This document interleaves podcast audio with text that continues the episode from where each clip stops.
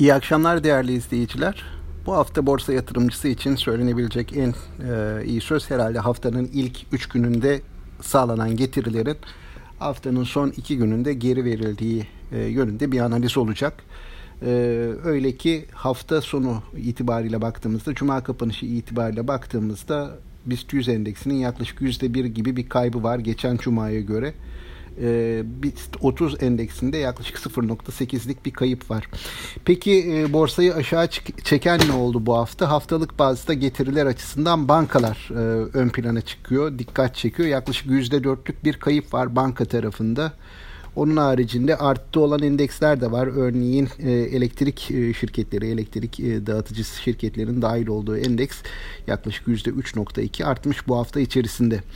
E, bu da aslında bize riskin nerelerde yoğunlaştığını, piyasa oyuncularının riski nerede gördüğünü, daha ötesinde aslında yabancı yatırımcıların hala hisse senetlerinden çıkmakta olduğunu düşündürtüyor bana göre.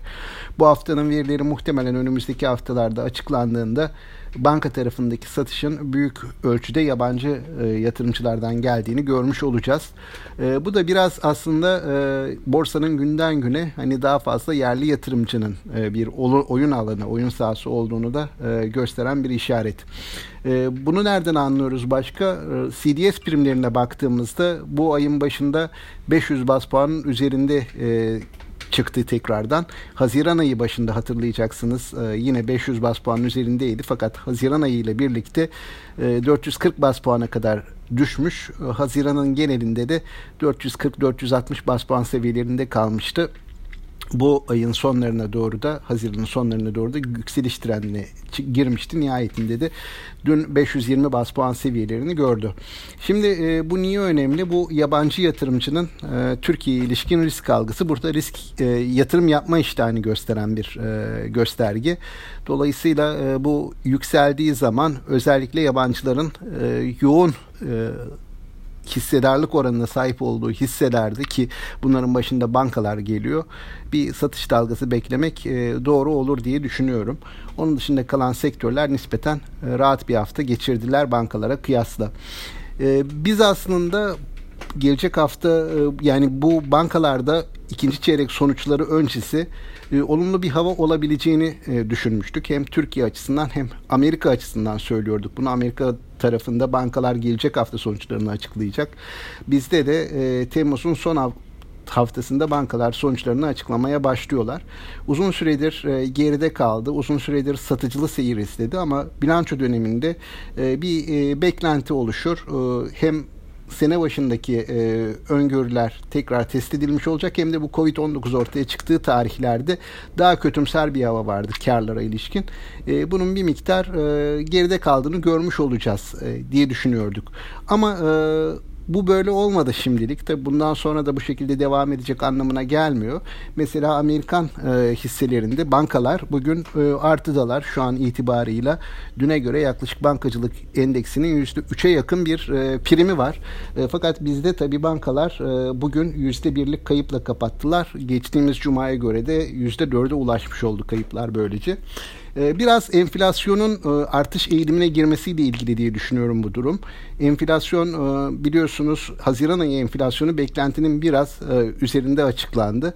Bu yine hesapları biraz tahminleri biraz zorlayacak bir noktaya geldi. Çünkü yılın ikinci yarısında bankaların net faiz marjı ne olur? Faizler artar mı? Bankalar bu konuda zorlanır mı?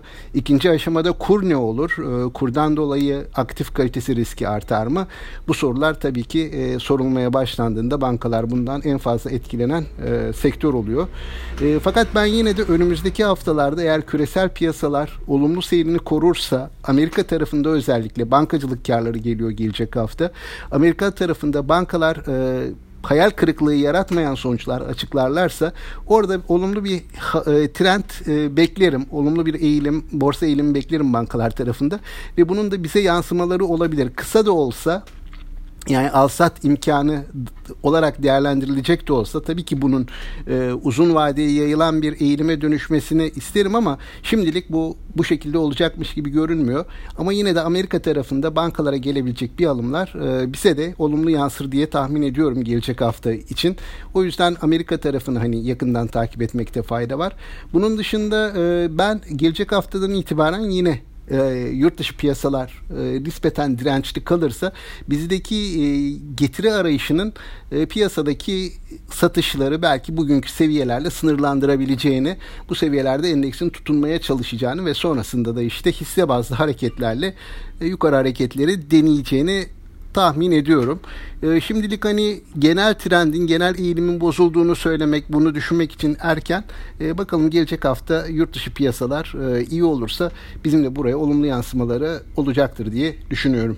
E, zor bir haftanın ardından tüm yatırımcılara sağlıklı, e, mutlu bir hafta sonu diliyorum.